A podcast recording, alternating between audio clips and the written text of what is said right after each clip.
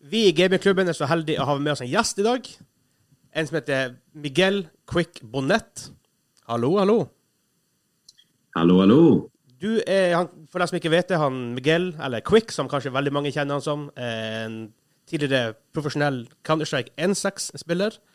Eh, Han har spilt for ting, eh, lag som Team 9, NOA og blant annet. eh, Var en av de store spillerne som jeg husker fra tidlig 2000-tallet, når jeg var aktiv Counter-Strike-spiller. Så hvordan går det, Miguel? Går det bra? Det går mycket fint. Eh, Får lite reminisce här när du pratar om det. Men jättefint att vara här och prata med er och se fram emot att ha en eh, liten eh, travel down the memory lane ihop. ja, det begynner å bli noen år siden. Det er nesten 20 år siden du, du la opp som, eh, som gamer. Ja, jag var ju typ med när du startade. Ja, Mhm. Ja, men da kan du eh, hvordan, hvordan begynte du? Altså, hva var Hvorfor ble du og, eh, ville du bli god i Counter-Strike, og hva var det som var inspirasjonen til du begynte å spille Counter-Strike? Bra fråga. Um, jo, jag har hela mitt liv hållit på med sporter och idrotter. Från att jag var 12 började jag typ med tävlingssporter och fotboll, hockey, basket, taekwondo. Ville tävla i allting. eh, ville, kände att jag kunde bli verkligen så duktig, men jag hade alltid fysiska begränsningar. Det var alltid problem med knäna, det var en skada i axeln, det var någon grej i höft. Så det var alltid så här skaderelaterade bitar som hindrade mig från att känna att jag kunde verkligen så här bli duktig inom någonting. Eh, och det var inte förrän jag var då 21, 22 och satte mig första gången och spelade Counter-Strike. Tror jag satte ett night gig med några vänner som hade spelat. Jag hade testat typ 10 minuter. Jag bara, det här är ingenting för mig. Men så hade de ändå du vet, frågat mig, kan du inte komma, kom, lira med oss? Jag bara, okej, satte mig en night gig från 12 till natten, 6 på morgonen och spelade och efter det så drömde jag hela natten om Counter-Strike och kände så här, jag bara, shit, jag tror att jag kan ha hittat min grej. Och sen inom bara typ efter någon månad som jag spelat Counter-Strike så kände jag bara, jag tror, jag bara, jag ska, fan, jag ska bli bäst i det här spelet. För att det var första gången som jag kände att det inte fanns några begränsningar. Ja. enda begränsningarna som fanns var ju här. Och självklart ens förmågor av, reflex, av, av reflexer och, och intelligens och liksom strategi och allt det ena med andra. Men det var framför, annars så kände jag att det fanns inga begränsningar. Det var bara att spela, spela och bli bättre och bättre och bättre och börja toppa scoresen. Så det var så jag började med, med Counter-Strike. Just för att det fanns, det var första gången jag kände att jag verkligen kunde testa mina eh, begränsningar. Og du ble jo Hvordan veldig fanns- god veldig fort. det gick ju snabbt. Alltså, med tanke på namnet Quick också. Du var ju Ja. Quick, men du blev Quick extremt duktig. För att eh, när vi var ute en, en kväll, du, jag och Hassan och några till, så satt vi på eh, där KTH, Kungliga Tekniska Högskolan, och körde ett litet minilan då. Där vi körde två mot två eller något sånt där, minns jag. Och på den tiden var inte du så jätteduktig. Men så bara, alltså jag ljuger inte, typ en månad senare så hade man ingen chans emot dig. det gick så. Alltså, vad var det som hände? Alltså du satt bara och råtränade eller? Alltså, oh shit, jag minns det när, när vi, det var, jag tror det var andra eller tredje gången jag bara spelade när vi körde där på KTH. Så jag var ju, det var ju fortfarande en ruskig nubie och satt och, kamp, liksom, och kampade bakom uh, lådor och kunde inte knappt sitta med, med pistolen. Fick man ett skott i tror- ryggen så visste man vem det var. Nej, men jag tror att det var ett, jag, jag har alltid varit snabblärd. Uh, två, jag började så här ganska snabbt börja kolla på, på, på typ, uh, vad heter det, demos från, från uh, Nick och, och många av världens bästa. Jag började titta på demos på hur de spelade. Sen var det mycket bara spela och, och jag, var, jag har en extremt stark ta- tävlingsinriktning. Så att det var mycket både att lägga ner tiden och sen att min, jag är talangfull i att vara snabblärd. Det har alltid varit så. Vad jag än gör eskalera eskalerar väldigt snabbt. Och här var det första gången som sagt som jag bara, nu, nu kör jag. Nu är bara, nu typ, jag kände att jag hittat min grej. Som sagt, bara efter en månad så sa jag så här till mina, till folk liksom, jag kommer, jag ska bli bäst i det här spelet. Liksom. För jag kände att någonting höll på att hända där för första gången i mitt liv av alla sporter som jag hade hållit på med. För du, eh, eh, du, du hade mycket skada som gjorde att du inte kunde spela fotboll och sånt. Sant? Så um Kom de skadene noen gang opp igjen mens du gama? Kjente du det i, i skuldra, akselen da på svensk, mens du gama? Nej, inte vad jag kan minnas. Jag höll fortfarande igång ganska bra fysiskt. Det var en av bitarna som hela, nästan hela mitt lag kände jag, eh, i, i de spelen som jag hade. Att vi ändå fokuserar på att ha en bra fysik och träna och ta hand om kroppen så att vi skulle kunna liksom, prestera på en hög nivå. Så att jag kände aldrig riktigt jag tror, det var säkert lite problem med, med ryggen, skulle jag kunna tänka mig. Ländryggen hade jag någon period där, så jag tror direkt efter jag slutade gamea som jag nog hade känning efter att ha suttit med så pass mycket som jag har gjort under de åren.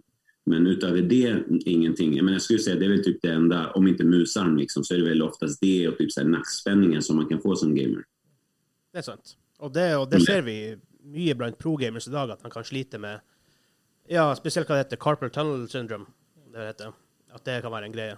Gode norske musearmen, det. Musearmen, ja. Ja. Faktisk. Men eh, husker du det første teamet, liksom litt mer seriøse teamet du joina? Ja, alltså så här, det var ju ett, jag skulle inte säga så, det första, första teamet jag joinade hette Forza och det var några här vänner som bodde typ i Nacka här i Stockholm. Och jag minns det, så jag bodde i Norge då faktiskt. Jag hade flyttat ner till eh, Norge efter jag hade tillbringats, mina första sex månader hade jag gameat på här i Stockholm. Och sen flyttade jag till Norge för jag skulle jobba typ med fisk, i fiskindustrin. Och det fanns ett internetcafé där så var jag joinade ett lag som heter Forza som var ett gäng kompisar från Stockholm och vi hade vår första, vår, vårt första möte, alltså så här, match mot A-laget som då var kanske, jag skulle säga typ, inte topp, jo men närmare topp husker 10 i Sverige. Eh, som jag senare också joinade. Eh, men det var första gången. Sen när jag kom hem så hade internetcaféet, jag satt på ett internetcafé vid Mariatorg som hette Arena. Och där, de, de hade inget, inget lag när jag, när jag spelade, för jag var ju typ den bästa spelaren alltså, i, by far på det internetcaféet. Det var ganska litet liksom. Um, men när jag kom hem från Norge så hade de, hade de liksom skaffat ett proffslag som de, som de vad heter det, sponsrade som kunde åka till de olika tävlingarna i Sverige. Jag vet inte hur länge de har funnits någon månad. Men jag minns att jag kom hem och var så här, "Ha, vad är det här för någonting då? Jag var ju den, som var bäst här inne. Plötsligt har de proffslag som ska tävla och det är massa namn och hit och dit. Så, så jag minns att jag var så här, men bara efter en månad som jag kommit hem så fick jag joina. Jag, började, jag, började, jag fortsatte att spela när jag stort sett kom och så började jag utmana vissa av dem så här en och en. Bara för så här, okej, hur pass bra är jag egentligen? Men de är topp 10 i Sverige i det här laget. Och det var eh, med Queen bland annat som sen också spelade i typ Les Souls och, och så var det typ några andra semi, semiproffs. Så det var mitt första, skulle jag säga, seriösa, det var arenan när jag hade kommit hem. Jag hade redan haft ett lag och typ spelat en halvseriös eh, match innan. Mm, Kult. Men innså du da allerede at, at det du drev på med, var liksom det verdenselite? At du ikke bare er god, men at du faktisk er en av verdens beste? Jag skulle säga att, alltså inte då ännu, för då var det fortfarande så här bara topp 10-lag i Sverige. Ja. Um, och jag tror att det var efter, jag, läm- jag var ju efter bara några månader med Arena så kom ju A-laget då som var, eh, som var en, ett snäpp lite bättre än Arena eh, kom och rekryterade mig på Arena. Då hade de sett mig, liksom, framförallt att jag var ju sniper, det var ju, min, det, var ju det som jag varit känd utav. Liksom, var, var, ehm, så att då kom de och rekryterade mig till, eh, till A-laget och kort efter det så vann ju vi den här, vad heter det, um, vad var det, uh, VS, eh, W, WCG, alltså World Cyber Games, eh, som är typ som OS i, i, i dataspel som hölls i, i Korea eh, av Samsung som sponsor. Så när vi vann den turneringen, det var det kvalet, som för att åka dit och representera, det var första gången tror jag, som jag kände så här, shit, wow. Du vet, för innan dess hade, jag ju inte, hade, ju, min- hade vi inte ens, kändes inte som, vi var kanske topp fem i Sverige då fortfarande, men inte på den här världselitnivån. Det var första gången. Då hade vi, jag tror vi slog, eh, vi slog Matrix-laget då, som hade ganska Ah, tunga spelare. Det var typ Bulletproof och det var eh, Scream och det var Dracula och det var typ två andra eh, riktigt alla, deras lag skulle vara egentligen de som vann. Det var typ topp ett just då nästan. Ehm, så när vi slog dem i finalen och rekryterades, då första gången som jag, okej, shit, nu ska jag åka och tävla mot alla representanter från alla världens hörn. Liksom. Det var så här, då slog det mig att okej, nu, nu, nu är jag på den, den nivån. Men det var väl en hel del publik som var där och såg på er också live, var det inte det? Ja, Redan då? ja absolut. Jag minns ju när du kom hem så sprang vi faktiskt på varandra kort där och så berättade du det. Jag minns att det var i Odenplan vi sprang på och det här var i början av 2000-talet någon gång, alltså om det inte var, eller där någonstans. 2002. Så berättade du känslan och du jämförde det med att vara rockstar, minns jag. Nej men alltså det var sån hype där borta, det är det, det är så stort. Det var ju Ja. mycket större hype där än vad det var i Sverige på den tiden, eller i Skandinavien på den tiden. Verkligen. Just Counter-Strike var inte lika stort som till exempel Starcraft. Nej, och, och, nej, nej. Och Counter-Strike var fortfarande vad heter det, censurerat. Så det är så här, när, när du klippte någon så satte de sig ner istället och typ satt så här. Så det var, Okej. det var inga blodiga- HS. För det, var, det har censurerat liksom, den typen av våldet. Så att. Men att vara pro-gamer var, det var stort där. Ja. Liksom, för att de, redan då, Starcraft-proffsen var ju miljonär. De var kändisar. Liksom, Ja. miljonär. Så att bara att man sa så att man var pro-gamer, de bara “Oh, pro-gamer!” Free sushi! Nej, skojar. Freezers. Ja, Nej, det, ville du, eh, e-sport idag är ju blivit huge. Eh, det är ju Mm. miljonervis av folk som ser på e-sport. Ville du hellre ha varit en professionell gamer idag, eller ville du ha varit det i 2002-2003? Jättebra fråga. Så det beror på om man, om man, vill om man önskade pengarna så hade det varit bättre att vara idag. Alltså så här, den nivån som har varit hade vi ju tjänat, hade vi tjänat ganska bra med pengar.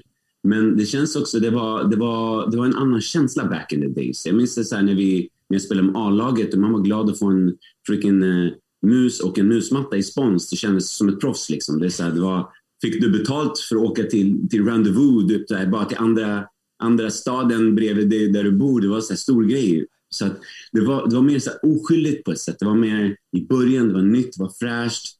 Um, det var, det var så här, man uppskattade saker och ting på ett annorlunda sätt. Uh, vi, var, jag menar, vi tillhör ju pionjärerna in, och, och gam, de kallas för gamla legenderna. För att, jag tror CS kom upp 99, något sånt där. Mm. Som, ja, och jag började ju tävla 2000, eh, vad blir det? början av 2002, så det hade bara funnits knappt i två års tid när jag började. Um, så att det var en annan känsla på den tiden. Så att jag, det känns kul att ha varit del av den historien av början. Uh, men jag menar, skulle man vara proffs nu, där hade det ju varit helt andra förutsättningar. Inte den åldern jag är, nu är jag 40, ska fylla 42 liksom. Så här, jag slutade för att också vara ganska, på den tiden, oseriös scen fortfarande bland, bland stora företag typ som Alltså, nu ska jag inte nämna några namn, men vi hade spon- stora sponsorer liksom, som fortfarande var relativt, tog scenen ganska oseriöst. Vi lovade det ena med andra, skulle göra det här, det här, så hände det inte. Och spelare som fortfarande var ganska oseriösa, liksom, kontrakt var full, inte riktigt fullt igång. Den enda stora organisationen som var typ riktigt seriös var SK. De hade ju inte funnits så himla länge då som organisation. Så jag kände att det var, det var, ju, det var ju roligt på ett, på ett sätt på den tiden. Nu vet jag inte hur det skulle vara idag. De skulle säkert säga wow, jag hade lätt velat tävla idag om jag hade gått in på en stor fet tävling. Liksom. Ja, fordi det, det morsomme Jeg ser mye på e-sport. Eh, League of Legends, Valorant hovedsakelig. Og så Det er jo enorme turneringer med store sånn, stages og oppsett. Men jeg husker når jeg så på Counter-Strike N6, så gikk jeg inn på Gotfrag dagen etter CPL-dagen hadde vært, og se på en sånn her dårlig oppsummering hvor Dere satt jo i Dere satt ikke på en scene, dere satt jo i et, i et rom med mange andre lag. Eh, väldigt annorledes än, än det är nu i alla fall. Ja, verkligen. Jag tror den första typ, så här, turneringen som började ta det lite större, det var, var ju CP, um, inte CPL. Det var ju vad heter det, ESVC, det var ju där då vi vart världsmästare på Esports World uh, Cup. Det var ju 2003 som först, hölls första turneringen. Så vi ihop med, eh, vi och SK var ju svenska representanterna då. Eh, vi hade ju vunnit, måste jag tänka, hade vi, jag minns om kom ett eller två på kvalet. Men i alla fall båda vi lag kom dit och då var första gången som var en stor scen. Förutom då BCG 2002 när vi åkte dit till Korea. Det hade de också scen. Men här i Europa så var det fortfarande ganska, och i USA var det fortfarande ganska litet, liksom low key. Men i SVC, de, de dammade till med, med en stor stage och det var ljus och stora skärmar och en stor publik. Alltså det var riktigt fett faktiskt. Ljus som, jag minns det när vi spelade eh, på scenen, vi spelade två eller tre matcher och framförallt finalen så har de ljus som sken, de har så här strålkastare på varje spelare. Men när någon var klippt och bara puff, släcktes den så det var i slutändan man typ du, stor sol, eh, strålkastare på dig och typ en annan spelare när det var så one-on-one kvar. Så det var ganska Mäktigt. Holy shit. Ja, mäktigt, mäktigt.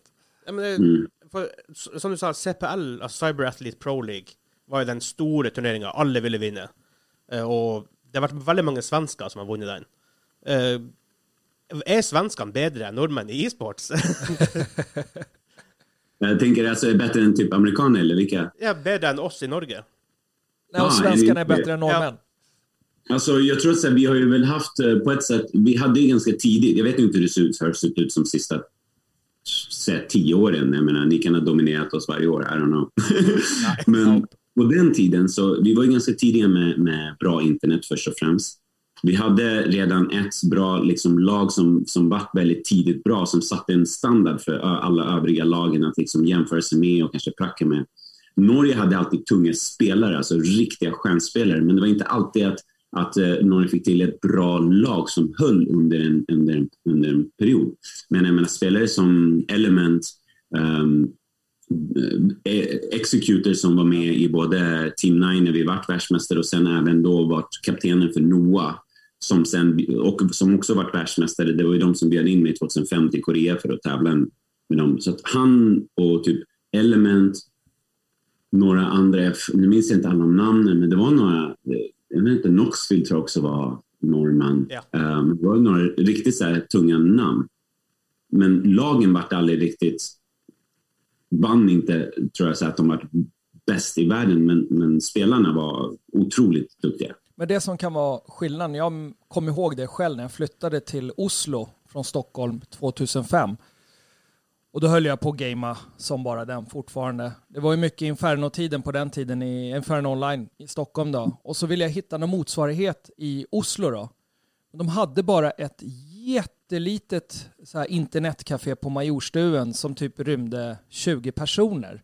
Kanske det kan ha varit en grund att svenskarna blev så mycket duktiga, i alla fall vi i Stockholm då. För vi träffades ju oftast flera stycken. Hur många café hade vi inte? Du nämnde ju en arena. Vi hade Matrix i Hötorget. Vi hade Inferno Online på Odenplan. Eh, Nine var ju en stund. Vad sa du mer? Ja, nine, Ja, exakt. Nine. Vi hade ju så många café så vi, vi var ju runt och träffade folk och där kunde ju människorna också som var duktiga gruppera sig och träna med varandra då. Kanske det kan ha varit någonting som gjorde, alltså i alla fall i Stockholm, jag kan inte prata för resten av Sverige, för jag vet inte hur Göteborg hade, eller norrlänningarna, eller Skåne eller så då, om det var mycket inne på det. Jag bara tänkte analysera om det kan ha varit en grund till, för du sa att då individuellt så var de ju duktiga norrmännen, och det kan ju vara för att de sitter hemma och spelar väldigt, väldigt mycket då, och blir duktiga individuellt. Men de har inte teamet med sig då, som kanske är lättare att träffa i kaféer och sånt. Just det. Ja, det kan nog stämma, för det var ju många, många som var alltså, Stockholmsbaserade, många av många utav proffs, eh, proffsspelarna skulle jag säga, och framförallt många av de tyngsta ämnena i, i Nippo så var ju många som var Vi, nærmeste vi kommer vel i Norge, var vel kanskje Eolithic. Husker du Just det. Den var veldig god. Ja, Og Catch Gamer.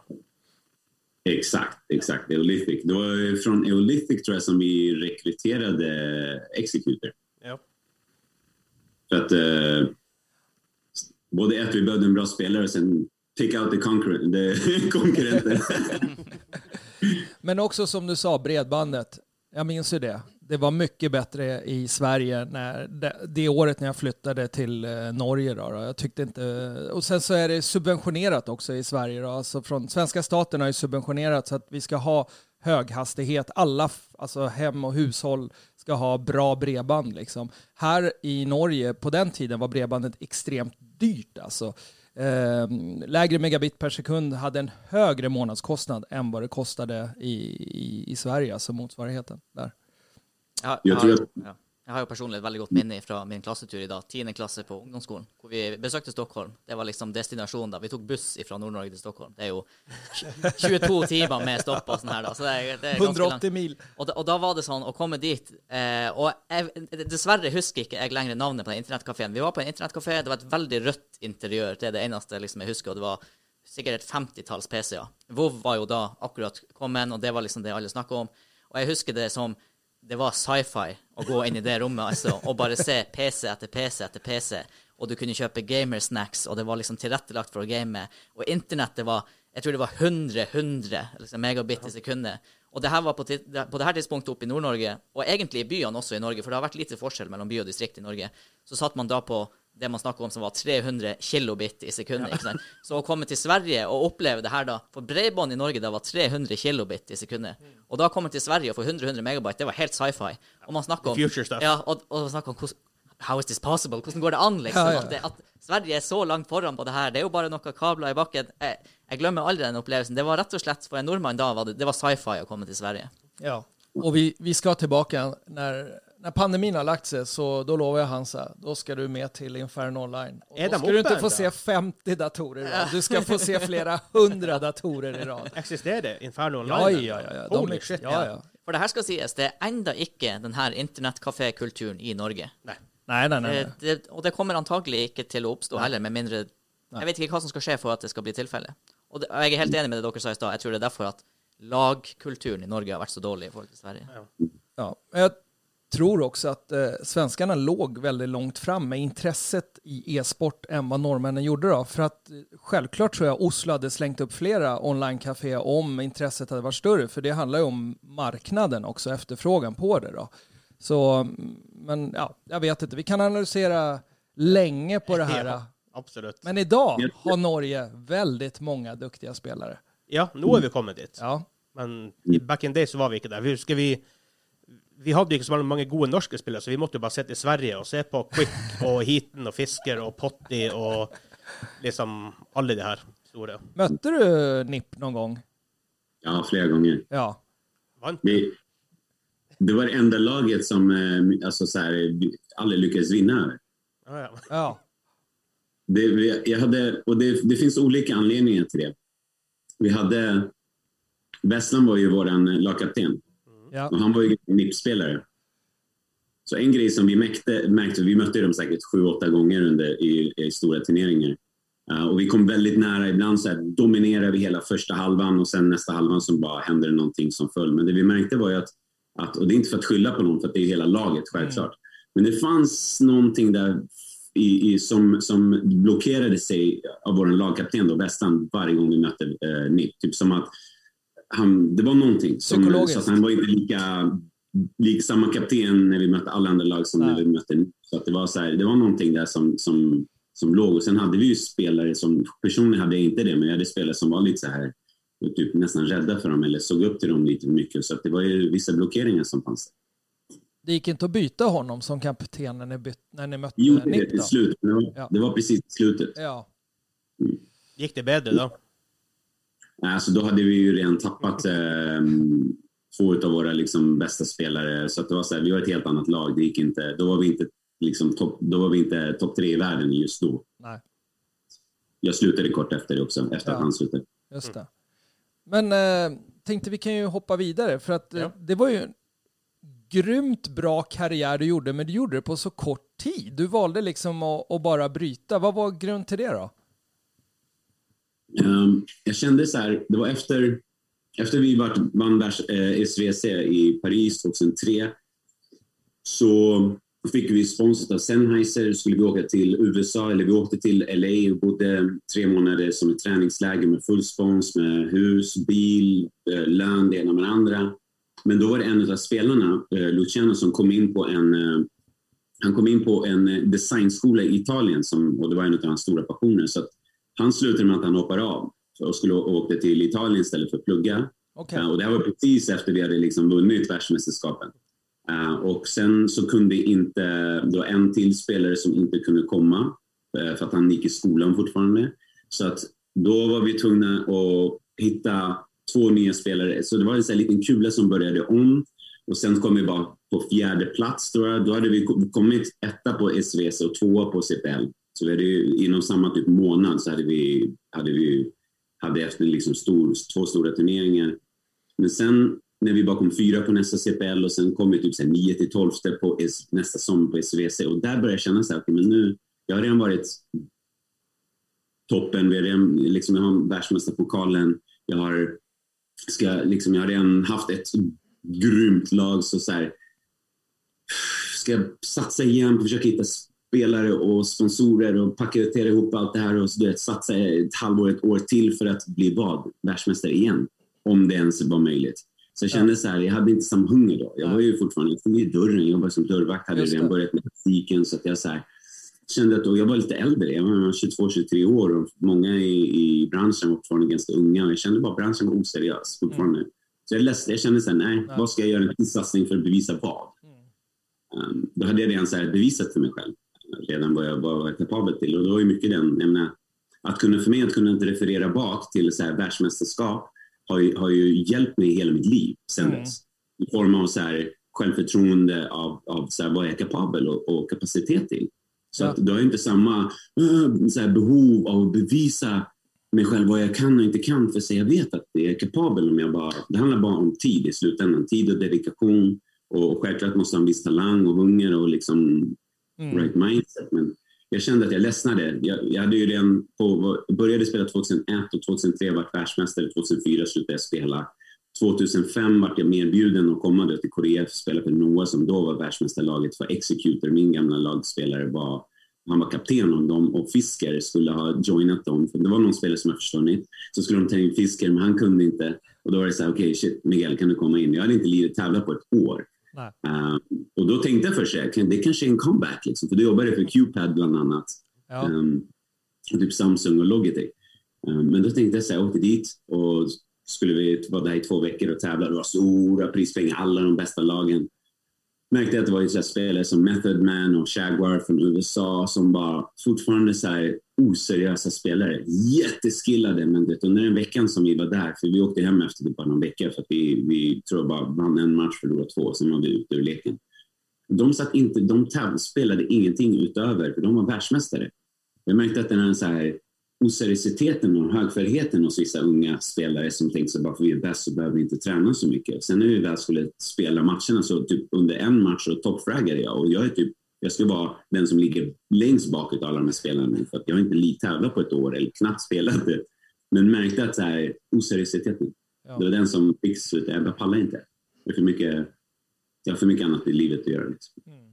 Men man... Så det var en karriär, men det gjorde också att mitt namn hängde ju inte i scenen så himla länge. Utöver i och för sig, alltså i tävlingsscenen hängde det inte så länge. Sen vart jag den första liksom stora one-on-one-stjärnan som Qpad, Samsung och Logitech innan Steelpad ens började så vart jag ju rekryterad för att resa hela Europa och köra one-on-ones liksom två, över 2000 matcher. Så att mitt namn höll, höll sig kvar i scenen men inte som spelare så länge, inte som tävlande. Liksom. Det var ju bara två års tid som jag tävlade.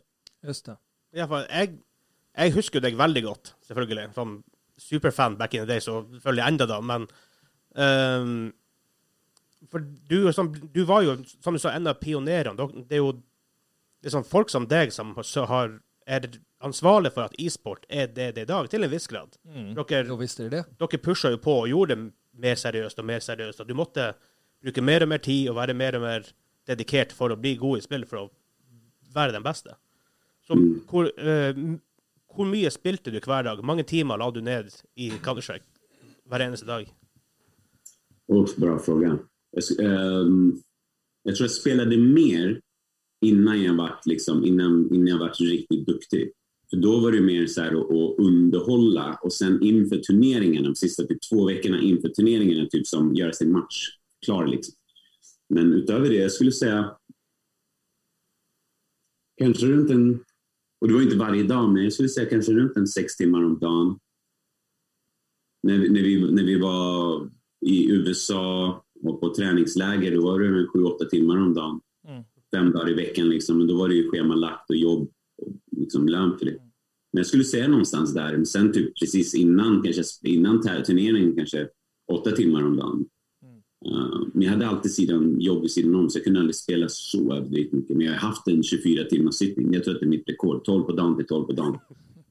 Men det var innan jag började tävla. Så att, då spelade jag mycket mer. För då var jag så här, jag var ju... Ja. Jag var så, jag, var så addicted. Jag vaknade upp på morgonen och det, så jag bodde ihop med en tjej och kunde inte vänta förrän typ hon skulle dra till jobbet så jag kunde dra och spela. Minns jag sätter mig på tunnelbanan och så här, det är tio minuter från det jag är fram till kaféet ska gå. Du, så här, man typ kan ni gå lite snabbare ut och in så att vi kan åka? Shot man. Jag minns man bara satte sig vid datorn, tryckte på C, starta och direkt var det som... Oh.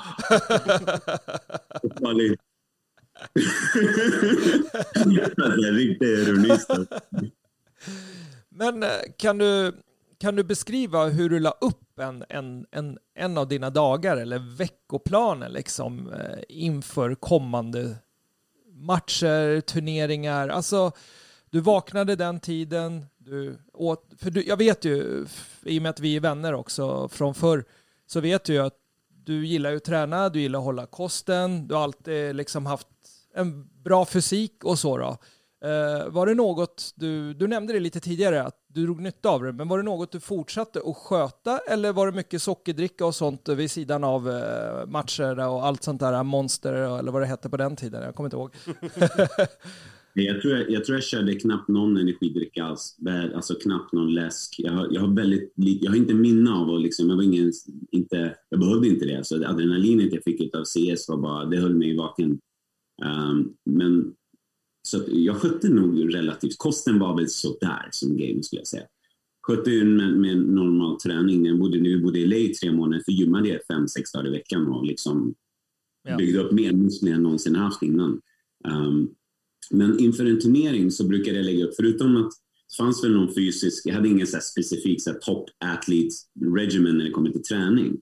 Men jag definitivt tog hand om det. Men när det kommer till Counter-Strike så var det alltid, jag, alltså så här, Um, jag körde mycket med bottar, så att jag bara startade ett eget game och sen drog in en 12 bottar med kanske med kniv. Säger mm. Och så gick jag och så uh, fokuserade bara på uh, quick shots, med andra ord. Ut, att jag zoomar inte in, med, utan snarare bara, bara, bara så att direkt liksom klipper dem utan att ens ha behövt sikta in. Uh, så gjorde mycket så, kunde sätta på musik och bara i timmar hålla på och automatisera saker och ting. Kunde sätta mig en timme och bara eh, lägga max amount och köpa ut det i alla mina Kalashnikov och sen sitta och bara spraya in i väggen för att lära mig att styra, helt och hållet styra eh, själva sprayen. Och, och, kolla liksom, okay, om jag inte styr den, vad gör den för format och sen verkligen så lära mig alla detaljerna. Hur, för jag märker att Akon typ nästan gjorde som en liten sjua. Så då måste jag lära mig exakt att och röra, på, röra på musen i den i, i en typ nästan sjua så att sprayen går exakt på den personen. Liksom. Så mycket sådana bitar. Um, samma med Colten. Liksom att, och, och, och, mycket, mycket minns jag att lära mig med, med ABP, sitta och träna i timmar. Att säga, om jag, jag ser spelaren där borta, men jag siktar här och sen så drar jag bara en snap liksom, och klipper dem så pong! Så jag gjorde sånt också bara i timmar. Så det var mycket den biten jag la upp för att automatisera saker och ting inför en turnering. Framförallt. Det är intressant det du säger, för det här man skiljer pros mot amatörer. Väldigt. Jag hade mm. aldrig lust att göra det du just beskrev. Aldrig i min vildaste tanke skulle jag orka slå på och, och liksom slåss mot bottar eller, alltså, eller skjut, träna mot bottar eller AI eh, och skjuta mot väggen. Jag vet att vi gjorde det bara för att se lite hur, hur eh, Ehm, skott, eh, liksom hur, hur Akon rörde sig och så då, och, och även hur, hur, alltså hitboxen eller vad det kallas för, hur den liksom träffade väggen och så då, men, men, inte så många timmar som du gjorde. Där skiljer man alltså amatör mot pro. Respekt säger jag bara, respekt. Tack Rory, men sen vet jag inte, jag, tror inte, jag, jag såg inte att alla spelare gjorde ju samma sak på den nivån som jag var på, men det skiljer sig. Hade du, om du vet att du ska förbereda dig inför en turnering där du möter alla liksom toppettorna i varje, i varje land och det är så största turneringen och det kommer vara typ 40-60 000 dollar i prispengar. Då känner man sig lite mer motiverad av att ja, göra sådana ja, grejer.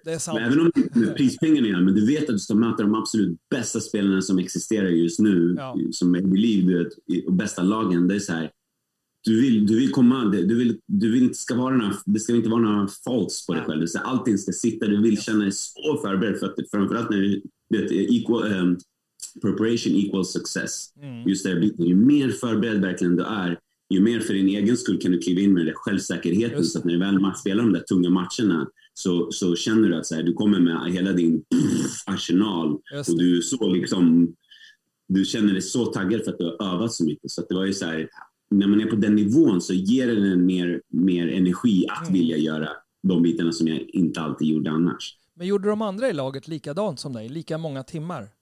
Nej, jag var väldigt, väldigt... Eh... Du var den där Zlatan som stod de där ja. extra timmarna och slog frisparkarna så att de skruvade sig in rätt under krysset där eh, när alla andra stod i duschen. Jag, jag skulle kunna säga att jag definitivt hade en släng av jag, spe, ja, men jag spelade, jag, jag framförallt uh, gjorde mycket av de, det detalj, detaljjobbet. Just det. Mm. Ja, det, men Nöta, det husker for nöta, at det gjorde vi Nei, Jeg gjorde også veldig mye av det. Og det var sånn jeg ble god. Jeg ble aldri like god Nei. som deg, da, selvfølgelig. Men vi spilte måten jeg ble god på Jeg, la, jeg satt på LAN med en kompis, og vi spilte AMAP NVN hver dag i to måneder. Hver eneste dag. Fire, fem, seks timer. Og Sånn, og det som du sier, det er Altså, du må Du må trene på ting for å bli god. Selv om det er et, bare et spill, ikke sant, så må du faktisk legge ned tida og detaljarbeid og se hva, som, hva, hva du må gjøre. Men jeg har et par sånne her Counter-Strike specific spørsmål til deg. Eh, Yes. Du nevnte Colt. Med eller uten silencer? Jag skulle säga beroende på situationen. Men eh, Colten utan silencer tog lite mer i HP. Mm. Så att jag valde den av den anledningen att den, den sved lite hårdare än vad silencern var. Men jag skulle säga att det beror på om jag står och jag vet att de kommer gå förbi mig och jag vill vara tyst. Att de, det ska ta någon sekund innan de vet vart jag skjuter ifrån silencer. Så att det var väldigt så här, som en som en riktig assassin, man ut, beroende på situationsbaserat. det, Jeg brukte bestandig silencer. Jag också. Jag gillade ljudet. Ja. Som, Ja, det det, var liksom, det, det där ljudet gjorde att jag sköt bättre på, av någon konstig anledning. Helt jättekonstigt. Jag testade utan och jag, ja, det var som om jag var en amatör helt och hållet. Men med silencer, du, du, du, du, alltså jag älskar det ljudet än idag. Ja. Ja. Med Kalashnikov, ah, det ljudet, hallå, hallå! Ah. Jeg, jeg fremst ikke vet det, back in the days i Counter-Strike 1.6 så hadde du fire models på hver side. Eh, fire models på, på Terrorist og fire models på Counter-Terrorist. Eh, hvordan model valgte du når du skulle spille? huh. Ska man komma ihåg det? jag tror att jag brukade ta, på poliserna minns jag inte. Jag har för mig att jag tog, fan tog jag på? Jag brukade väl ta han som var lite så här, om jag inte minns fel, var någon, någon eh, man vågar knappt säga ordet terrorist nu, men direkt kameran går på. Vem? Ja, ja. Men jag tror att jag valde typ 1-4 här för mig, eller sånt där. Jag minns inte skinnen, men det var nog lite mer... Jag, jag, jag, jag, jag faktiskt minns inte. Var det inte någon som hade balaklava av de där? Ja, det var altså Arctic Ja, eh, fyr. Han, han spilte jeg ja jag gillade han Ja. mest. Men på HL-TV så du han med grønn skjorte på, på, på eh, Jag minns i början när vi, när vi började spela så tyckte jag terroristerna had, hade coolare liksom outfits än, än, äh, än Counter-Strikes. Eh, och det var en Counter-Strike som hade, från polisen, han hade en sån här konstig hjälm, han såg så jävla miffo ut. Så, jag ville aldrig spela, det var alltid terrorist liksom, hela tiden på grund av outfitsen. ja, det, Jeg skulle finne ut hva de heter, alle de her eh, modellene, men telefonen ville liksom ikke funke helt. Så det var Men sen, men sen var det ju vapnen då som jag tyckte väl till slut att eh, CS, Counter-Strikerna hade lite bättre på något sätt. Alltså. 5-1, kommer du ihåg den? Terrorist? Bössan, 5-1, var det inte det? 5-1? Den där dong, dong, dong, dong, dong med kikarsikte. Det var väl Exakt. 5-1 man tryckte på. Alltså allt det där också, herregud. ja, men det sånn, jeg tror, Men på pro-nivå så var det jo bare Colt, AK og eh, AVP. Ja, ja. Det var, det var det big. Ibland MP5 också. MP5 också ja. Ja, Och den ja, var bra. ja. Den var riktigt bra. Senere kom jo Den var, bra, den var bra om man är beroende på ens ekonomi. Liksom. Ja. Ja. Och den sköt jävligt snabbt. Man Ja. kunde ju den, den springa och röra sig. Så att den hade sina funktioner, men det var ingen man köpte om man hade bra med cash. Det var antingen AK, Colt eller AVP. Du köpte väl bara AVP? Var det inte så? Jag skulle säga det. Jag switchade över efter, efter, vi kom, efter 2003, sommaren, när vi var på CPL och kom tvåa där. Eh, Då switchade jag faktiskt över till att börja köra AK Colt, så då la jag ner AVPn. Ah. Vilket var egentligen ett misstag, för att då var jag så här, jag var ju typ den bästa AVPn i världen just då och det var det som hade gjort mig känt och det var där jag hade min edge. Ja. Det var så här, där var jag så här, det var få som ens kunde mäta sig. Sen när jag switchade över till AK Colt, jag var fortfarande en duktig spelare, men jag var inte, stack inte ut samma, för att det fanns såna tokiga aimers där ute som var så här, det var så här, då var jag bara då var jag bara en vanlig proffsspelare kände jag. Ja. Även om jag var smart och duktig. Jag var ju så här, jag var dukt, jag var väldigt smart, intelligent spelare och kunde lätt liksom, okej nu händer det här, vi gör det här. Så jag var väldigt så här, väldigt så här mind... Mm. Du kunde läsa, läsa matchen eh, alltså ett par steg innan det skedde. Exakt. Ja. Men, men jag märkte att jag tappade min edge när jag, la- när jag la ner, uh, när jag la ner. Hva, Jeg hva vet det var som eh, fikk deg til å ta det byttet, da? Er det fordi at For jeg vet jo mange spill Nå har jeg aldri vært en FPS-pro, men jeg vet at i mange andre strategispill og sånn, så sier man jo at metaen endrer seg. Altså noen våpen går ut av favør, og så går noen andre inn. Hva det var som gjorde at du på en måte la fra deg din edge, som du sier da, og heller gikk over til Colt Jag og tror det var, det var i samma veva som, för att det var, jag var ju 1.5 måste jag tänka, det var ju 1.5 som jag var liksom som hetast. För sen 1.6, då var vi ju fortfarande jäkligt duktiga, men det var ju då den här lite lagget kom när man switchade från pistol till AWP. Så det var typ någon, någon millisekund eller någon sekund därefter, så du drog fram AWP, men du, du fick vänta med innan du kunde skjuta. Jag minns att den började störa mig, för att min grej var ju liksom, switch, alltså jag var ju väldigt snabb att switcha och var Hej Chaparral med med hela den biten. Så det var en del, en del att jag kände så här, lagget kom, det kändes så här off. Två, jag hade tröttnat på att du vet, stå och vänta. Du, du vet, köper ut 4750 för, för bössan plus granater plus eh, liksom Kevlar och det ena med andra. Det är så här, var dyrt att vara ABP-are för laget. Och ibland när du står i en position och sen så kliver de fram och HSar dig och du är, så här, då är du borta. Du är så här, och ibland i närstrid, om du missar ditt första skott, du har ingen möjlighet att ta fram det, hinna det, för de bara brrra. Så jag minns det att jag bara, fan jag är trött på det. Jag hade ju spelat det nu liksom ett och ett halvt, två års tid och bara varit full on AVP-are. Och kände så att jag vill, jag vill vara mer rörlig. Och jag vill inte vara utsatt och bara och in, in, ja, utsatt situation som AVP-are när man ibland framförallt hamnar i närstrid. Jag var också en attackerande, jag var en offensiv AVP-are. Eh, så framförallt som terrorist liksom. Då var det utmanande AVP-arna med min AVP. Men jag kände så här, när man, det var, jag ville bara testa något annat. Jag hade ledsna switchade många gånger mellan vänster till höger, vilket också kändes helt skevt nu ibland. Men jag försökte göra grejer för att hålla mig eh, intresserad. Mm. För att jag har alltid varit så att jag lätt tröttnar på saker och ting eh, ganska snabbt. Så att det var ju ett sätt för mig att, att bara känna att okej, men jag vill vara lite mer, fortsätta vara hungrig. Och ditt second weapon, var det Desert Eagle? Eh, ja. Alltså när jag, när jag var Eagle VP. Ja. Ja, absolut. ja. Det är något av det bästa. Det var ju är- klassiken. Ja, alltså, Ja. det är nog min, min favoritögonblick i Counter-Strike. Det är när du går på en streak med Deagle, hvor du har tre, fyra, fem one-shots på rad. Det, är- det är magiskt. Jag är, ändå, jag är ändå tacksam och glad att jag fick liksom möta dig när du var AVP-man, om man kan säga så. För att jag har ju upplevt hur snabb du är. Alltså vi, jag vet inte om du minns det, Miguel, men vi körde ju faktiskt, eh, vi var ju nästan, om vi var fyra eller fem som körde ensam, alltså du var ensam mot oss med din AVP och Desert. Och jag minns, jag- minns det så väl, för det var så här ett moment, jag bara, alltså går det att bli så här bra på Counter-Strike? När vi körde Desert, eh, ettan då, först ettan, första Desert-banan. Dust. och Dust, förlåt, sorry barn, eh, boys. eh, Dustbanan 1 och, och vi körde tunneln.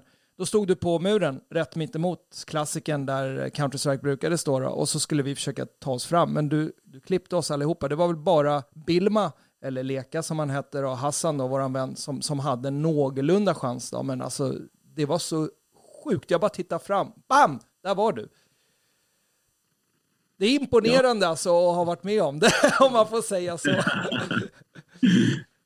Och, och, och, och återigen, den, den snabbhet det tog för dig att komma till den nivån. Det är också så här, men, men eh, du är en intelligent människa, det, det nämnde du ju själv då, så det kan ju ha lite med alltså, att det ligger någonting bakom pannbenet också som är med och bidrar mentalt då, till att du ska nå de resultaten. Du är ju en tävlingsinriktad människa, du ville bli bäst.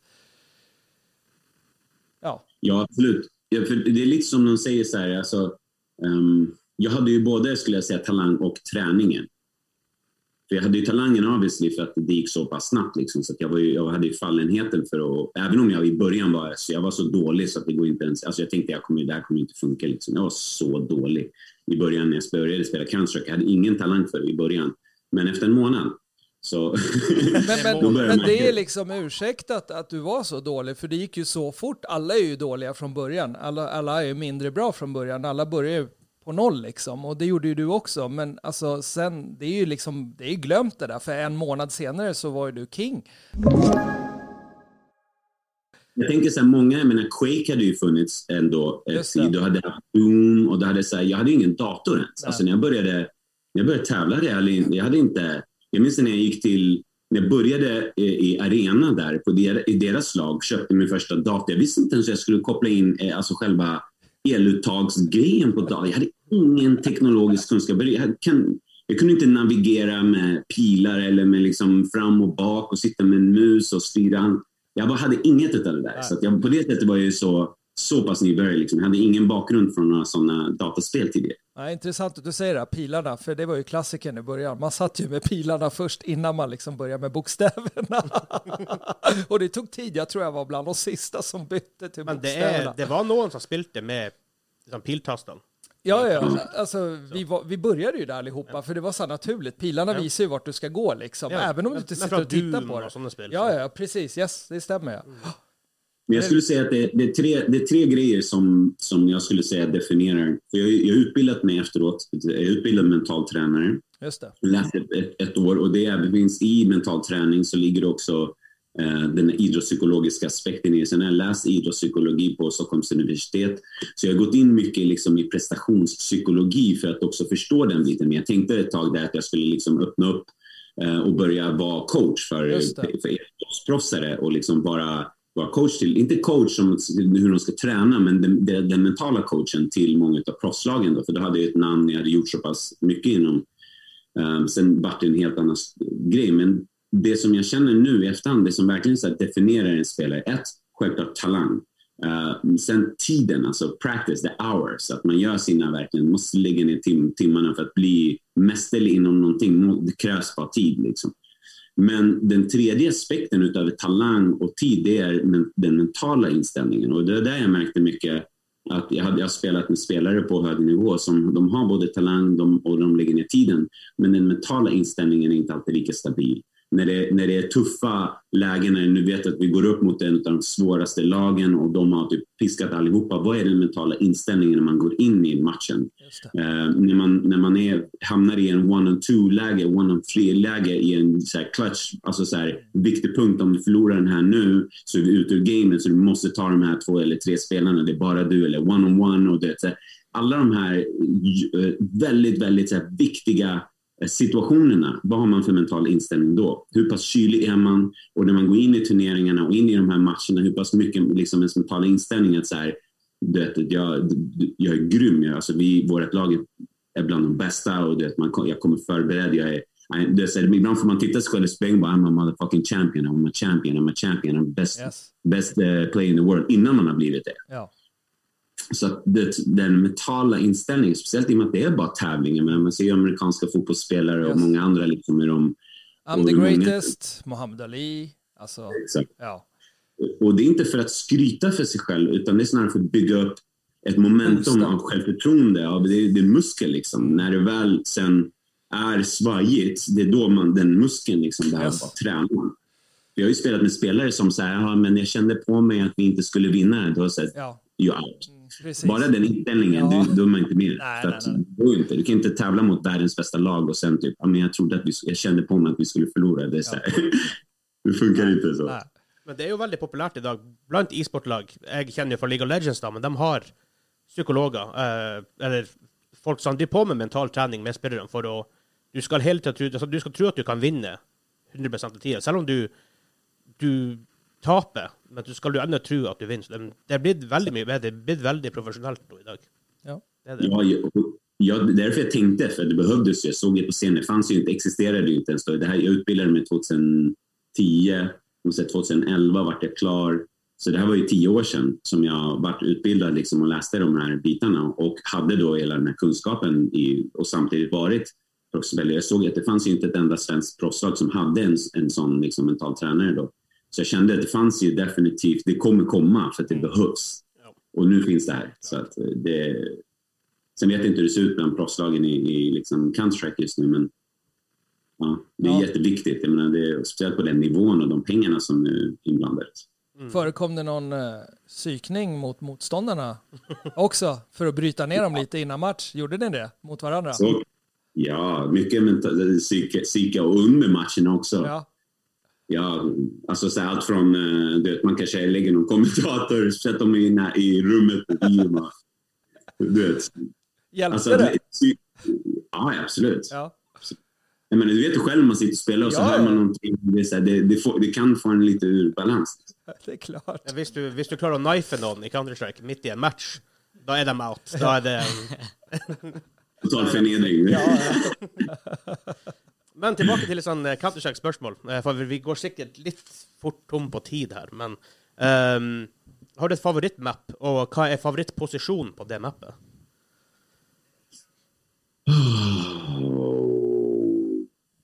Jag skulle säga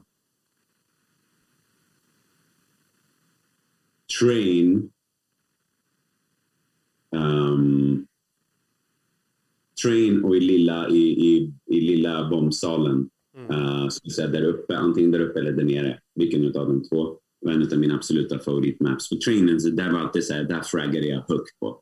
Train, Ja, Eh. och, och egentligen vad som helst. Spring med CTT, det var, så här, det var en, jag var väldigt stark i train och det fanns så mycket ställen men det var bara någonting som, som, som kändes bra där.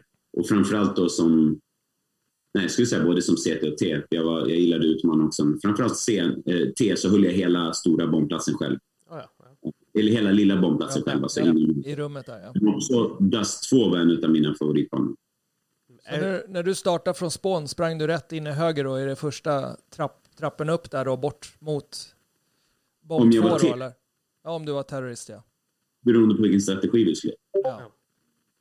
Vad var den vanligaste strategin ni, ni körde där då? Liksom den som liksom var er bästa, vilken var det? Hmm. Jag tror att det var en, vi hade en jävligt tung storm, stormning då vi stormade ut i, eh, i um, Jo, men det var en av mina bästa grejer. Så jag. Eh, vi, när vi stormade som T, då vi hade en, jag tror vi hade två som går rakt fram, långt ner där i den korridoren, två som går i mitten och sen kanske jag då med AVPn som springer upp där som säger trapporna och sen ner. Ja. Så Ja. man kom ut i stora också precis vid tåget och Ja. började klippa folk där. Ja, Uh, och det var en av uh, våra bästa stormningar. Då, vi, vi hade så här riktigt tunga flash. Du vet hur vi flashade och smokade. Alltså det, var så här, det, var en, det var en hel show. Det var Cirque du Soleil vi gjorde på ronden. Ja, men snakk om det. Brukte dere mye tid på å planlegge flashes, smokes og HE-nades og sånt? tajma, tajma. Mm. ja, ja, 100 procent. Alltså på, på se- sekunderna och, Ja. och exakta vinklar och det ena med andra. Och, och vi hade han, Westland var ju jäkligt bra strateg. Det var, jag märkte så här, jag hade, också, jag hade också bra strategi, men han var snäppet liksom, han var jäkligt vass med strategier och framförallt satt och kom ut och tänkte ut dem. Och, och han var vår, lagkapten, så vi hade jäkligt tunga strategier. Mm. Har spilt mot Vestland, eh, og Snaidan og Valle og, Mm. og dem, og herregud, jeg ble, jeg ble spengt. Skikkelig hardt. Så. Men hvem er den beste spilleren du har spilt med, og hvem er den beste spilleren du har spilt mot? Bra fråga. Men bästa jag spelat med...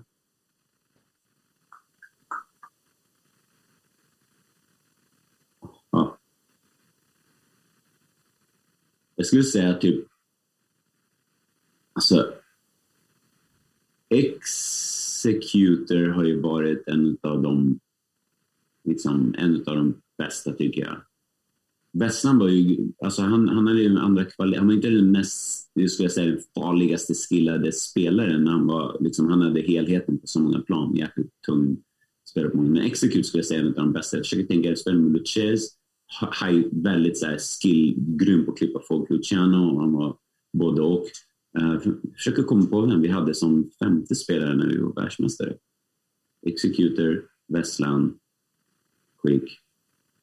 Ja, just det. Luciano Luchez. Okej, då har vi fem. Jag skulle säga dem. Eh, alltså Executors är bland de bästa jag spelat med. Ehm, sen eh, mot... ehm, pff, det är typ... En bra fråga. Alltså. Spelat mot alla världens bästa, jag har spelat mot alla världens bästa spelare. Jag tror inte det är någon som jag inte har mött. Ehm, Men var det någon det som vore- stack ut lite extra? Som du bara, åh, den där, han, han. Din nemesis. Ja, Nemesis. Ja. Jag tyckte ju Potti var jäkligt duktig. Han var, han var så oberäknelig som spelare. Han var, han var alltid stabil, alltid duktig. Alltså han, Potti tyckte jag var. Mm. Men även Elements var ju, han var ju också som en, han, man har inte en aning vad han gjorde och vad han, vad han skulle ta för sig. Liksom. Han var oberäknelig också som spelare och så skillad. Og han var veldig ung. Ja, väldigt ung. Och väldigt, på den tiden väldigt barnslig. Liksom, så, här, så man, han, han, men skillmässigt som spelare, wow, vilken... Ja, det er grunnen han spilte for alle de store, store lagene. Ja, Eh, men det, det, det var ju som, du vet, alla på den, när man är på den högsta nivån, det är så här, alla är så jäkla bra. Jag menar, ett Span, Potti, Heaton, Fisker, Executor, Vesslan ehm, ja, och, och alla andra länders eh, liksom, spelare också. Det, det är så här, det kunde verkligen vara så, det kunde gå nästan lite hur som helst. Även om det var typ hela 2003, då var det bara SK och mitt lag som vann, Team 9. Det fanns ingen annan spelare som kom, ingen annat lag som kom i närheten. Antingen så var vi nummer ett och SK kom trea, eller så kom vi tvåa och SK kom etta på alla stora turneringar. Hela 2003. Eh, men det var ju alltid ändå så här, de andra lagen två, du vet, ligger där. Det kan ju svänga lite hur som helst. Um, på den nivån så är ju alla så jäkla tunga. Jag menar, amerikanska lagen, det hade ju Jaguar och Method och massa andra Team, spelare. Team som 3D var ju väldigt stor. Vem då? Team, team 3D. Exakt. Du ikke dem? Jo, 3D. Ja. Ja, tunga. ja. Det var, det var, det var faktiskt S, eh, NIP och, och 3Ds match, eh, turnering från 99 eller 2000. När eh, första gången när NIP var där och liksom när de, jag tror det var när de vann, när, de, första gången Sverige kom över och det plötsligt slog eh, 3D i, i, och vann den här turneringen. Det var den demon som jag plöjde. Jag gick igenom varenda spelares du vet, kollade hela matchen genom en spelare, nästa, kollade matchen genom nästa spelare och bara totalt studerade den. Det var precis i början när jag började. HLTV.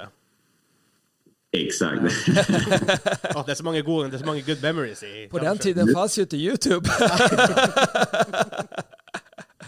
Nei, vi brukte Gottfrag. Ja, Svensk, tror jeg. okej. Jag minns inte. Jeg husker. Men der kunne du laste ned eh, På Gottfrag kunne du, kunne du laste ned videoer sånn, Jeg sa det i stad, men eh, videoer etter CPL-dagen hadde vært med alle kampene. Så var det sånn Ja, just små det. liten recap Ja. eh, med alle kamper. Alle satt med der gigantiske CRT-skjermene og ja, Det var tider. Fan, det är 20 år sedan alltså. Det Nu sitter vi med mobiltelefonen. Oj. Två decennier sedan Ja. nästan. Det er weird. Det er det. Mm. Men vi, vi, vi har ett spørsmål vi, vi stiller alle dem vi har som Men, gjest. men før vi stiller Ja. det, jeg, jeg har en annen jeg har lyst til å skyte inn før. Fordi at eh, du sa du hadde ingen erfaring med Du hadde ikke PC, du hadde ikke PC-spill, du hadde ikke spilt Quake. Så eh, var Counter-Strike det første dataspillet du spilte? Ja, det första First Person Mode-spelet som jag spelade. Ja. Jag hade testat, min, jag minns att min kusin hade typ så här Amiga och någon typ av så här Commodore och typ så här något dataspel. Och han bodde nere i, i Jönköping i Småland. Så då och då när jag typ besökte honom en eller två gånger om året så kunde jag spela lite med honom. Med hans dator. Men jag hade aldrig spelat någon FPS förut. Um, jag hade testat kanske några andra typer av dataspel. Men inte så här typ hemma eller så. Det var kanske man hem, hälsade på någon vän. Så. ja. Og så ikke sant, hadde du en intens karriere, du ble proff, du ville virkelig det her, og så la du opp Counter-Strike. Eh, har, har, var du en gamer etter det? Har du spilt nok Er det andre spill som har tatt av, som du har spilt masse? Eller var på en måte da gaming et sånn avslutta segment for deg? Hva som skjedde etterpå, liksom? Jo, ehm, direkt när jag slutade tävla 2004, det var, eller då, då vi liksom bröt upp vårt lag Eh, efter sommaren i SVC 2004, då fortsatte jag, eh, för jag jobbade lite extra på ett internetcafé som heter Ownage här i Stockholm. Så jag fortsatte att spela ändå lite. Det var därför jag var ändå sen när Noah frågade mig 2005 då efter ett år, så hade jag så här, jag var ju inte helt off, jag hade inte lirat på ett år, men jag hade inte tävlat någonting, jag hade inte tränat för att liksom tävla. Så att, men um, så att jag, jag spelade ju fortfarande då fram till runt 2005. Efter det så la jag av mer nästan helt och hållet. Men jag, det, min karriär inom e-sporten efteråt såg ut som att jag var ju rekryterad då utav Qpad som då hade samarbete med med Samsung och Logitech och reste runt i ett halvårs tid. Jag var anställd och reste runt hela halvårs tid och, och uh, var proffsspelare. Uh, folk kunde utmana mig och tjäna, vinna pris för 20 000 hit och dit. Och sen uh, efter ett halvår att jag gjort det så vart jag- rekryterad för att starta ett eget tv-program här i Sverige. Som heter, det var en kanal som heter Big TV. Och då ville de ha ett dator och tv-spelsprogram och de letade efter en profil, någon som kunde vara mm, programledare för det. Och det fanns ju, och då var det några som ett e-sportföretag som som hade fått förfrågan då från de här producenterna som skulle skapa tvn om, liksom, om de ville vara med och styra upp. Då, då kontaktade de mig. Så alltså, vi skulle vilja, skulle vilja vara vår programledare. För det fanns ingen som hade både meriterna, um, personligheten och liksom uh, kamerabekväm på det sättet. Så då var jag programledare ett halvår och drev mitt eget program, 1337 kallar jag det för. Och då är det data och tv-spelsprogram, typ reviews och åka på olika events hit och dit. Um, men efter det så vart jag också rekryterad för att vara Playas, uh, vad säger Les Souls, um, när tjejlaget, då var de nummer två i världen och de skulle med en, en, en realityserie, reality-dokus-soppa med dem på MTV. Och då skulle de resa runt i hela världen i 42 dagar och spela, spela in den här dokusåpan. Så då vart jag rekryterad att vara deras typ coach slash, inte typ programledare, men presentatör. Um, så då gjorde jag det projektet med dem samt som jobbade typ lite som programledare för andra. Och sen vart jag rekryterad för SVT och då var det ett eh, produktionsbolag som SVT, hade, SVT Play då hade kontaktat för att de skulle börja sända live från DreamHack. Så jag var den första programledaren som satt med där innan det, då var det fortfarande bara på nätet.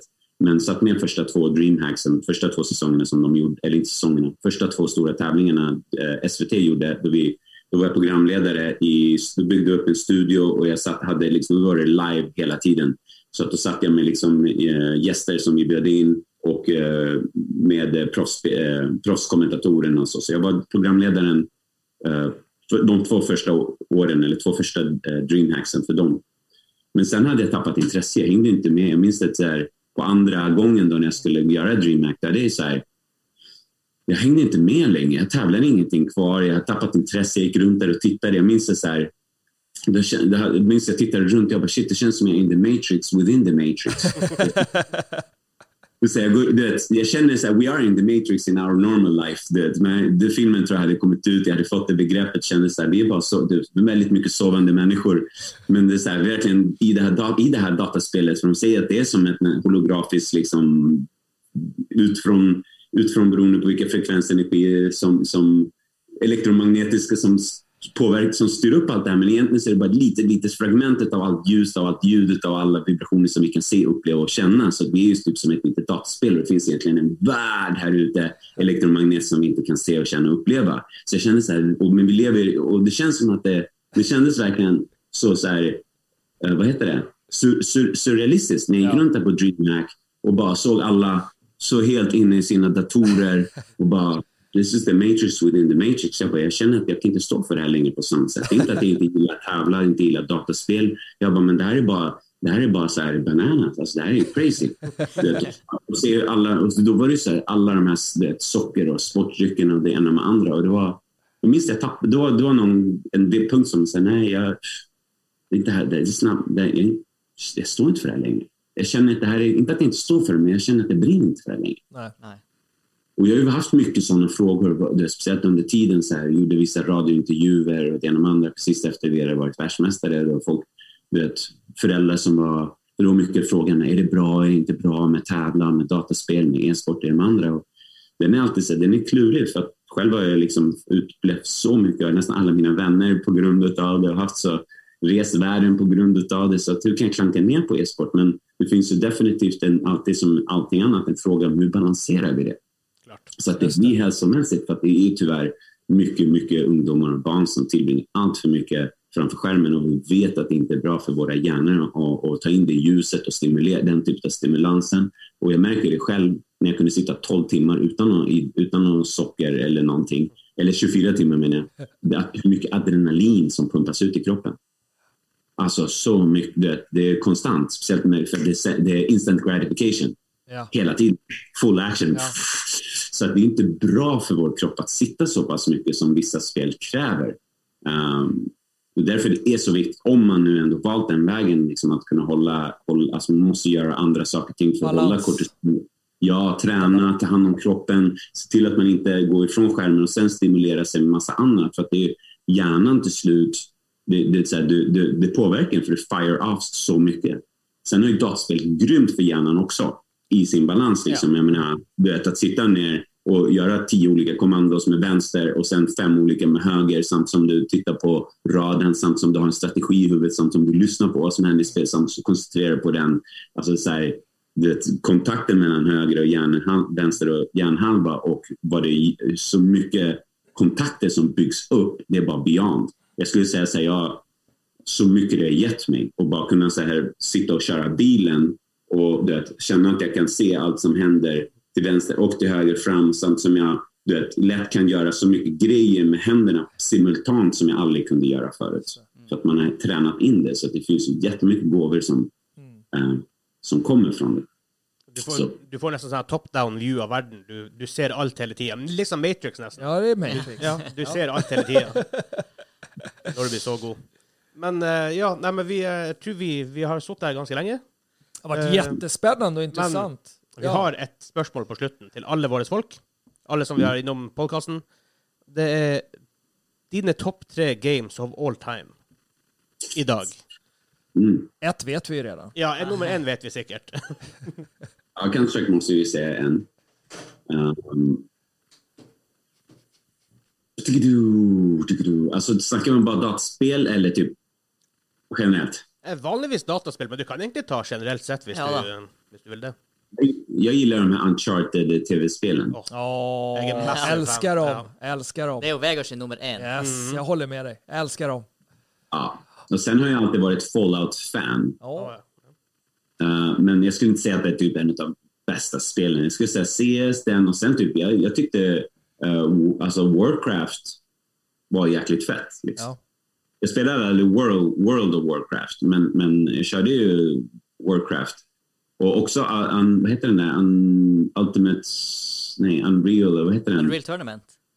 Ja, Unreal Tournament. Den också var jäkligt cool. Ja. Men den använde jag mest som en träning, för, inte för Counter-Strike, för att bara, du vet, vad heter Nöta, det? nöta, nöta. reflexerna. Ja. Ja. Men World of Warcraft, CS och uh, Uncharted-serien. Nej, inte World of Warcraft. Warcraft. Warcraft. Ja. Eh, det är tre klassiska spel. Det er tre veldig gode titler. Og bare sånn superkjapt, eh, Warcraft, en RTS, det var jo også en e-sport back in the day. Starcraft var jo størst da. Kjente du noen gang på det samme drivet når du spilte strategispill, RTS, eller, eller var det kun hobby for deg? Var det kun gøy? Mens Counter-Strike var liksom competitive. Yes. Ja, jag, för att jag, jag började spela bara typ Warcraft, äh, um, Warcraft för att min, några av mina medspelare brukade lira det. Så då brukade jag, så här, bara för att switcha lite, för att inte bara sitta med CS, så brukade jag börja spela det. Jag märkte så här, jag var ju inte så här, jag hade nog inte samma talang för just den biten. Uh, men jag märkte ändå så här, killar som hade spelat i ett års tid längre än mig kunde jag fortfarande så här, vinna över i matcherna. Och då, men jag hade ju extremt simpla, simpla strategier. Men, men jag märkte så här att shit, okej, jag var ju inte sämst i det efter en kort tid. Men jag, var ju, hade inte samma... Det var ju mycket andra bitar att hålla reda på. Liksom. Ja. Ja. Plocka fram sitt gun och bara kom hit. Show yourself. Eh, Spilte du Dota? Eh, nej. Jag han, testade kanske en, två gånger, men det var ingenting jag lirade. han Executor spilte på, eller liksom på Team Norway i, i Dota faktiskt också. Med en Ja, men han var ju riktig, han var en riktig datakille. Alltså, han spelade i alla spel. Det var, hans stor, det var en så stor del av hans liv. Ja. Jag var ju fortfarande, så här, jag var ju aldrig en dataspelare. Jag, menar, jag jobbade som dörrvakt på en populär, en av de mer populära typ, så här, nattklubbarna när jag var världsmästare. Jag minns till och med, så här, jag kom hem, kom hem från Frankrike, stod, minns, eh, stod kostymen i dörren. Så här, fan, världsmästare i Counter-Strike, men här står jag, det är ingen som vet vem jag är. Jag vill inte ens berätta för mina kollegor. Nästan säga, jag visste inte riktigt som jag skämdes för det, men jag är stolt för det ännu. För det var så här, Ja. det var bara 2003. Du vet. Ja. Men så att jag hade en helt annan, helt annan, eh, helt annan eh, liv än vad de flesta andra dataspelarna hade. Ja, men eh, Miguel, quick. Det har vært ufattelig hyggelig å ha deg på besøk. Du er, du er, du er en legende i, i eh, e-sportverdenen, og det er nok mange som ville høre på det her, som husker veldig godt hvem du er, for å si det sånn. Bara det sista, sista, sista. Ja, sista, Om du ska sista. ge ett tips till någon som sitter där hemma och drömmer om att få komma ut på de stora arenorna och få vara ett proffs oavsett spel. Vad är det bästa tipset du skulle kunna ge till den personen som sitter och lyssnar på oss idag? Jag skulle säga ett, titta på de, hur de eh, studerar de bästa. Mycket. Mycket studera, studera de bästa. Hur gör de? Hur gör de minsta lilla rörelse? Två, träna på alla dina svaga sidor. Allt som du inte är bra på, träna på det. Um, man är inte starkare än sin, liksom, den svagaste länken i sig själv också. Och jag skulle säga tre, om du verkligen, verkligen vill, tro på det. Alltså så här, se det framför dig. Se att du kommer stå där eh, och ta emot, eh, eller se dig själv sitta där. Liksom, så att du visualiserar det du, det, dina mål och bara tro på att det kommer ske. För att om inte du, på, om inte du tror på det, vem? Ja. Exakt, Klart. precis. Det börjar med sig själv. Grymt, tusen tack. Tusen, tusen tack. Det har varit Det är kul att få sitta och gå tillbaka 20 år bak i tiden. nostalgi. Och väldigt kul för mig, eh, eftersom inte jag kan komma till Stockholm, eh, Ja. så kändes det lite som så vi tog en liten fika. Du och jag. här. fika. Ja. Och ni som inte vet vad ordet fika är, googla det. eh, På google.se då, då, inte på google.no. Så jag orkar inte sitta och förklara det, men det är ett begrepp ni borde införa i, i, i norsk lexikon också. Fika. Det är så mycket lättare att säga, ska vi ta en fika istället för ska vi ta en kaffe? Men jag har ingen lust att dricka kaffe. Nej, men ska vi ta en Red Bull då? Nej, men jag har inte lust på det heller. Nej, men ska vi bara ta en bulle? Ja, okej då, vi tar en bulle. Vi går och tar en bulle. Ja. Nej, men det har varit otroligt kul, Ja. Miguel. Tack snälla vännen alltså. Stort, stort tack alltså. Det, Ja, vi har kosat oss. ja, det har varit helt fantastiskt att höra din resa. Tack, det var fint och kul att få dela med. Tack för alla fina frågor. Ja, Der kan, det, der kan jeg Der kan jeg kutte det. Så da er vi, da er vi, da er vi done. då är Ja. vi färdiga Miguel. Ja. Där klipper han. Ja. Ja. Perfekt. Ja, Ja. nei, men sånn, Når vi sitter her nå, da, sånn off-air, da, så igjen, tusen takk for det. var jævla Ja. Jeg hadde Alltså, jag Hade tror jag- det här för mig har varit den bästa gästen. Inte för att du är kompis, men det är det här jag brinner för. Liksom, Du går in i en historietid som man har varit med och, och byggt upp. Alltså, även om inte jag blev lika god som dig så var jag med där i starten med Counter-Strike 1.6. Det är liksom så här, jag fick flashbacks, nostalgi och ja, Minns när vi var på, eh, vad var det, Vasagata var vi först på Burger King där och bara lassa upp bara, kommer du ihåg det? Påsar med hamburgarna så drog vi ut till KTH där i Södertörn och bara satt och roffade i oss och, och Chad satt i bakgrunden med så här, tss, tss, tss, musik. Han bara laddade ner från eh, Napster eller Napster, ja. Hela, han bara laddade musik, jag var ju värsta DJn och vi andra satt och gameade. Det var så här, bara kände, åh, jag vill bara vrida tillbaka och bara vara där i det moment. Fan vad kul vi hade på den tiden. Så spännande att spela det också. Ja! Riktigt kul. Tills du började kicka ass på oss alla andra. Det var inget kul längre. Jag orkade aldrig spela med dig någon mer. Men sen försvann ju du, för du, du var ju på de stora redan. Men ändå, fy fan vilka ja, flashbacks alltså. Jag önskar att de här tre grabbarna skulle kunna få uppleva den tiden också i Stockholm. För det var stort i Stockholm. Just, Men jag vi tror, det var veldig stort her også. I, i Jo, men jag tror kult. att det blev större, lite det som jag var inne på då, att ni hade inte de här internetcaféerna som vi hade. Ni var Vi tvungna, själv här. Ja, precis. Ni var ju Ja. tvungna att göra det själva då. Men vi hade ju det och internetcafé. Ja. Mm. Vi hade ju folk i Stockholm, alla jag pratar för Stockholm för jag kan ju inte prata för andra delar i Sverige, men som arrangerade, alltså DreamHack kom ju igång ganska fort i, i, i Sverige, eller kanske hette någonting annat då, LANen och så, alltså de här stora LAN-träffarna och så då, efter kaféernas tid liksom, eller under kaféernas tid eller vad man ska kalla det för. Så jag tror där gjorde att vi fick en kultur och det är lite tillbaka till den här spelutvecklingskulturen mellan Norge och Sverige också. Eh, Det är en kultur på samma sätt som e-sport i Sverige så var det en spelutvecklingskultur som man saknade här. Så Jag tror jag har lite med det där. eh, Men vi hadde det litt her oppe. Det er derfor jeg var ikke på ditt nivå, Miguel, men jeg var jo på jeg Du var ju jo duktig och du är fortsatt duktig. Ja, vi för spilte jo mot Four Kings og Dignitas i, i England, men vi hadde jo også han, han Ola, han kalles for Ola Q i CS. Han spilte jo med ja, Vestland og Snaidan og Valle og hele gjengen der. Executor og sånt. Og han Figen spilte jo eh, på landslaget i Dota med Executor, blant annet. Undrar om han hade hetat Vegan idag? ja, Figen sa Ah, jag ja, ja, Figen. Så jag ja, tänkte ja. kanske det hade varit vegan idag Ja. eftersom det är så inne med vegansk mat då. Liksom, så e-sport her var en stor greie tid- tidlig 2000. Vi hadde mange, mange gode folk her. Vi hadde han, Og, eh, Tommy var vel Tommy, verden, en av verdens beste i Quake. ja. Og så hadde vi jo Ja. Starcraft 2. Uh, Spirdal-gjengen Ja. var jo veldig god. Veldig god. Vi har verdensmesteren i Age of Empires rett bortenfor her. Ja, men det kommer ju senare. Ja, det kom senere, men altså, det er sånn Av en eller annen grunn, i Nordreisa. Jag har lagt ut en länk här på, i chatten. Ja, Eh, det är en länk från en, en film som de gjorde med mitt, eh, med mitt lag faktiskt. Det var ju back in the day som man gjorde så här Counter-Strike-filmer. Åh, Ja. Frag Movies, ja. Ja. Cool. Exakt, jag har lagt ut den här faktiskt. Det finns... eh, Kan du, det, lägga det, den, eh, kan du lägga den i Discord-chatten också?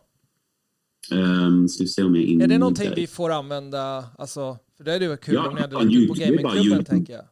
Ja, ja, Ja, ja. det har vært kult om vi kunne klippa det til et Instagram-post. En Det liten highlight. ja, Ja, ja. Det har vært tøft. Det vel Det ingen är som eh, YouTube-video. Är det någon som har recordat det här förresten? Ja. Ja, du har gjort det. Så Ja. att vi har lite, kan vi använda lite klipp från den här intervjun nu? Å ja, nei, zoomen tror ikke jeg. Ja. Ja. Zoom- Zoomen är Nej, okej, nej, ja, okej, det var ju synd då. Ja, det var några issues med det. Så. Ja, jag märkte det, jag fick Ja. inte igång det. För Nej. det var kul att ha haft något klipp bara, liksom så här bara typ 4-5 sekunder. Jag prövade det i starten, Ja. det gick inte. Nej. Ja, Ja. Nej, frag movies. Bara som, för det glömde jag spöra om. Har du en favorit frag movie? Jag minns inte dem. Jag skulle säga vår egen. Jag huskar M19, det ryska laget. Den var väldigt bra. Ja, jag minns, men jag tittade mycket på Frag Movies på den tiden. Mm. NOA, Finns inte- Sin och Eolithic och... Ja. jag gillade, ju, jag gillade ju Nips frag movie som de hade back in the days. Där de har lagt in sjömusik och grejer. Och det, det orkade jag titta på lite grann då, då. men fan alltså, jag, jag, jag orkade inte allt det där du gick igenom. Jag fick bara huvudvärk och tänka på shit vad du har nött och nött. Men det är ju en grund till att du har blivit så duktig. Det är ju precis som i vilken idrott som helst. Hade det varit sidekick, det är inga problem. Det stod jag hemma i spegeln och höll på att träna innan jag gick till träningen och så när jag kom hem från träningen också bara stod där. Men alltså Det, shit, det, det jag är imponerad. samma, mentalitet. Ja, det är samma. Alltså alla bitarna du gick in på. Och det är så bra att du tog fram det här med rätt inställning, för det är, ju, det är ju det som skiljer en vinnare och en, en som inte är vinnare. Bara att gå in med och tänka. Eh, jag, gillar inte ordet tro heller. Jag ska vinna. Eller jag är vinnare istället för jag tror jag kan vinna. För där är det redan där, när du säger jag tror, känner jag i alla fall osäker. Du är inte helt committad hundra. Alltså lite hur man alltså, uttrycker sig också då. Men det var bra att du tog med den mentala biten, just hur man ska tänka och så. För det är nyttiga verktyg i sändningen. Men jag ville att du skulle ha de här tipsen också utöver det då. Eh, mera konkret också då. Eh, så att folk är med på oj, nu. För det är kanske inte alla som tänker på att det var bra tips under här också. Ja, inte. ja men, det, men det är bra det som du säger. Det, och som, det nästan det bästa där, eh, träna på dina svagheter. För väldigt många Yes. nu, these days ser jag, Sitter bara på sina styrkor hela tiden. ja men de också, hvis något går galt, så skyller den på alla andra. Ja. Ja. Skylla, det är kanske din fel, var analytisk och fixa det. Men det är kanske också en svaghet att börja träna på att inte klaga på alla andra. Ja, Ja. Definitivt. absolut. Ja. Sen en, en, en sak som jag... Nu, nu har vi inte, fick vi inte med det, men en annan grej som, bara, som jag kom på nu, det är att så här, lär sig av sina misstag. Den är stor också. Ja. Och det var det som jag också tror gjorde mig väldigt snabbt väldigt bra. För att jag, jag så här, varje gång jag gjort någonting fel, då bara okej, så här ska jag inte göra igen, så här ska jag göra nästa gång. Och sen testade jag det och så bara okej, men nästa gång ska jag testa så här. Så att jag hela tiden lärde mig av varenda litet misstag som jag gjorde. Så det är inte alltid, ibland Nej. folk gör bara ett misstag så fortsätter de bara. Jag var så här, okej, check, hur, vad hände där, hur ska jag kunna annorlunda? Det är en stor bit. Det här kanske blir lite avancerat för den yngre generationen, men som jag brukar säga till folk som ska starta företag, precis som man gör en SWOT-analys på det, det kommande företaget, gör en SWOT-analys på dig själv. Alltså, hitta dina styrkor, lär känna dina styrkor, lär känna dina svagheter, eh, dina threats, hot och alltså, du vet, du kör, förstår. Gå igenom dig själv och det kan man göra också inom sporten, bara gå igenom eller gör det med en vän som känner dig väldigt, väldigt, väldigt bra eller kompis, träningskollega eller vad man ska säga då. Bara för att jobba just, öka det här lägsta nivået och bli bättre på det då. Mm. Fan, vi kanske ska ta in honom som mental coach bara 30 minuter. så får vi alla e-sportare bara sitter med här och så till slut så har du en egen show med ditt nya och allting liksom och få folk du vet, prata till. Ja. Coach Miguel. Ja. ja men det har varit sjukt kul Miguel. Tusen hjärtlig, hjärtlig, hjärtlig tack alltså. Detsamma, detsamma. Det var jättetrevligt. Du får inte försvinna i din Zoom-värld där borta, höll jag på att säga. Inte Zoom-software, utan din, mm, den där världen. Utan vi måste fortsätta hålla kontakten. Det är sjukt kul. Absolut, broder. Pratade med Hassan häromdagen också. Men hur var det med Han han? sa, jo, det var bra, men han sa att ni hade sprungit på varandra en snabbis bara eller något sånt. Så, I, eh, vad, när var det? Det var nog i somras han Ja. låg och spände musklerna där nere på så Hornsbergs. ja, det var Horsberg, precis! Det är samma gamla Hassan. ja, det är fan. Ja, Det ser bra ut. Han håller ju bra form för den åldern. Alltså. Han gör ju det, självklart, men han trycker i sig en del saker för att kunna hålla den formen också. Alltså, hade jag också tryckt de sakerna så hade inte jag haft det här cykeldäcket här nere. Som jag inte Men man idag... måste gå och träna också. Vad sa du? Man måste gå och träna mycket också. Ja, ja, ja, ja exakt. Nej, men det gör jag. Fan, jag håller igång. Men det är liksom, jag kommer, jag kommer, lite så som du faktiskt sa om ditt game då. Alltså att jag känner, har gjort allt det där och, och vill inte kroppen på den nivån jag tränar hålla den, så får jag bara acceptera det as I am liksom. Det viktigaste är att jag mår bra och inte har en kanonkula framför mig liksom. Det är väl det. jag brukar säga så länge bröstkassen är framför magen så är det lugnt. Jag skulle säga snarare när vi börjar komma upp lite i våran ålder, det så här, i och med fysiken funkar, det är ju mer yoga, qigong, Ja. styrketräning också. Jätteviktigt att fortsätta styrketräna, men bara egen kroppsvikt så mycket som möjligt. Ja. Men yoga och qigong för att Ja. hålla leder och, och muskulaturen eh, så mjuk som möjligt. ja. Det, en Det var vår intervju med han Quick. CS N6-legenden som jeg personlig var veldig stor fan av når jeg spilte Counter-Strike. Hvis du liker så her ting, hvis du liker intervjuene vi gjør, hvis du liker hovedepisodene vi gjør, sjekk oss ut på patreon.com slash gamingklubben for å støtte oss der. Det vil, det vil vi sette veldig, veldig stor pris på. Takk skal du ha.